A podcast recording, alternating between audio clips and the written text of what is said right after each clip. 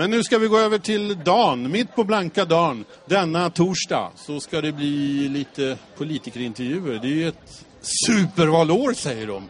Ja, det är ju så. Ja, och här på Radio Total Normal är alla röster lika värda. Och jag hoppas att våra politiker också tar det på allvar. I år är det som sagt var valår och vi på Radio Total Normal vill nu veta vad partierna står när det gäller frågan om psykisk ohälsa. Vi kommer att intervjua alla partier för att få veta var vi ska lägga vår röst i höstens riksdag så. Jag ska dra några fakta som underlag för den här intervjun. Medellivslängden är cirka 53 år för människor med psykisk ohälsa. 1500 personer begår tyvärr självmord varje år. Enligt Försäkringskassan är cirka 37 procent sjukskrivna på grund av psykisk ohälsa. Och de är ju sjukskrivna från ett arbete. Det motsvarar 51 000 personer av befolkningen och det här ökar ju stadigt. Alltså 51 000 människor, det är alltså lika mycket som en svensk småstad. Och kostnaden för det här är cirka 2,7 miljarder per år. Handräckning av polis till psykvården har ökat med 13 procent ifrån 2010 till 2013. Dessutom har det kommit nya fakta idag på nyheterna. Att på tio år är det dubbelt så många unga i Stockholm som söker hjälp för psykisk ohälsa. Jag hoppas att politikerna tar det här på allvar. Nu ska vi få höra Pernilla Günther. Hon är riksdagspolitiker från Kristdemokraterna. Hur hon reagerar på detta fakta. Varsågod. Det är skrämmande siffror och Eh, det är ju bara att konstatera att det här är ju också kända fakta som eh, man arbetar ganska aktivt emot tycker jag politiskt sett.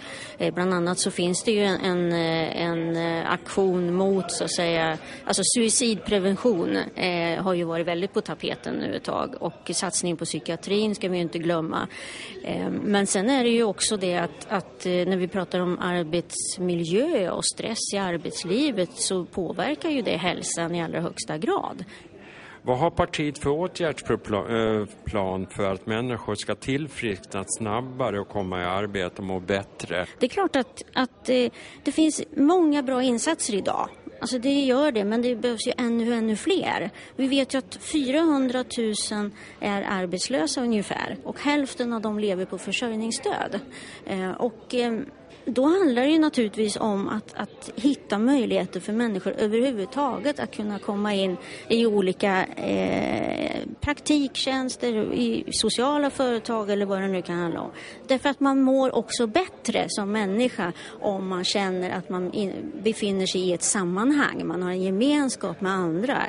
Eh, och det blir ju också den, den sociala delen mycket, mycket bättre. Hur ser ni på det här med utförsäkringar? Alltså, det måste ju vara så att om man är på väg tillbaks till arbete så ska man kunna få sin, sin sjukskrivning eller sin sjukersättning så att säga förlängd. Eller också om man har kommit ifrån den så ska man ju kunna få en fortsatt ersättning från a-kassan eller någon annanstans. Men det är ju ersättningssystemen många gånger som sätter stopp för den här individuella bedömningen. Ska, ska våra lyssnare tolka det här att de inte ska behöva, behöva oroa sig för att de ska bli utförsäkrade? Alltså, jag har jobbat oerhört mycket för att jämna ut de här skillnaderna inte minst. Och jag har ju personlig erfarenhet av att ha varit sjukskriven eh, för olika saker under mitt liv. Så att jag tar inte livet för självklart utan jag vet att det kan hända saker som man inte eh, kan förutse helt enkelt. Och, och, det värsta som finns det är ju om man får också en ekonomisk situation för att man är sjuk länge då. Va? Och, och vad gör ni för och, och, vad propagerar ni för för att förbättra psykiatrin? Ja, nu kanske du har svarat lite ja, grann. Ja, alltså det törs jag nog säga att när det gäller psykiatrin så är det solklart. Alltså det har ju inte avsatt så mycket pengar till psykiatrin på evigheter och vi hade ju Milton som gjorde den stora utredningen och efter det så har ju eh, arbetet ändå gått, gått framåt. Men återigen, alltså, landstingen kan bli bättre på att använda pengarna. Men alltså du säger att här har man lagt in väldiga stora resurser. Hur kommer det sig att det här bara ökar i antalet sjukskrivningar då? Kan du svara på det? Ja, men då är det ju så att då jobbar man ju inte, inte bara med det förebyggande utan man har ju jobbat för att just bygga ut alltså vården kring Eh, alltså psykiatrin. Då, va? Man önskar att det kanske satt, avsatts mer pengar till förebyggande insatser eh, men samtidigt har ju pengarna behövts till vården. Då, va? Alltså, och, och inte minst att utbilda fler som jobbar inom psykiatrin. Så det är många delar i det här, eh, verkligen. Vad, vad, gör ni inom ert eget parti när ni upptäcker att det är någon av era medarbetare som har psykisk ohälsa? Ja, vi har faktiskt jobbat med det i, inom Kristdemokraterna för vår personal och det är jag väldigt glad över att kunna säga. Alltså, vi har haft en stressterapeut inne eh, och tittat på eh, alltså arbetsmiljön och, och, pratat med personalen om hur man kan förebygga ohälsa då. För att det handlar ju återigen alltså, om det här med organisation. Har man tillräckligt med tid för sina arbetsuppgifter? Är man till, har man tillräcklig utbildning? Behöver man mer av den typen av, av, kunskap för att kunna sköta sina uppgifter så man inte blir stressad av det, att man inte hinner i kapp och att man inte kan tillräckligt och så. Jo, det har ju tyvärr blivit så att det här har ju blivit en riktig folksjukdom. Det går inte att sticka under stolen med att det är på det viset. Sen är det ju skrämmande att 1500 människor begår självmord varje år på grund av det här. Och det handlar även om det här med utförsäkringar, med ekonomi, med den, den sociala situationen.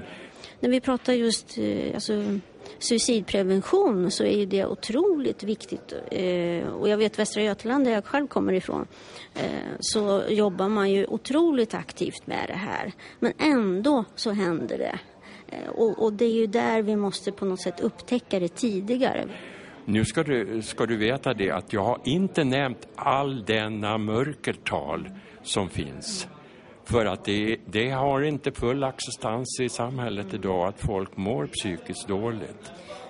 Jag jobbar ju också med frågor som rör personer med neuropsykiatriska funktionsnedsättningar i arbetslivet.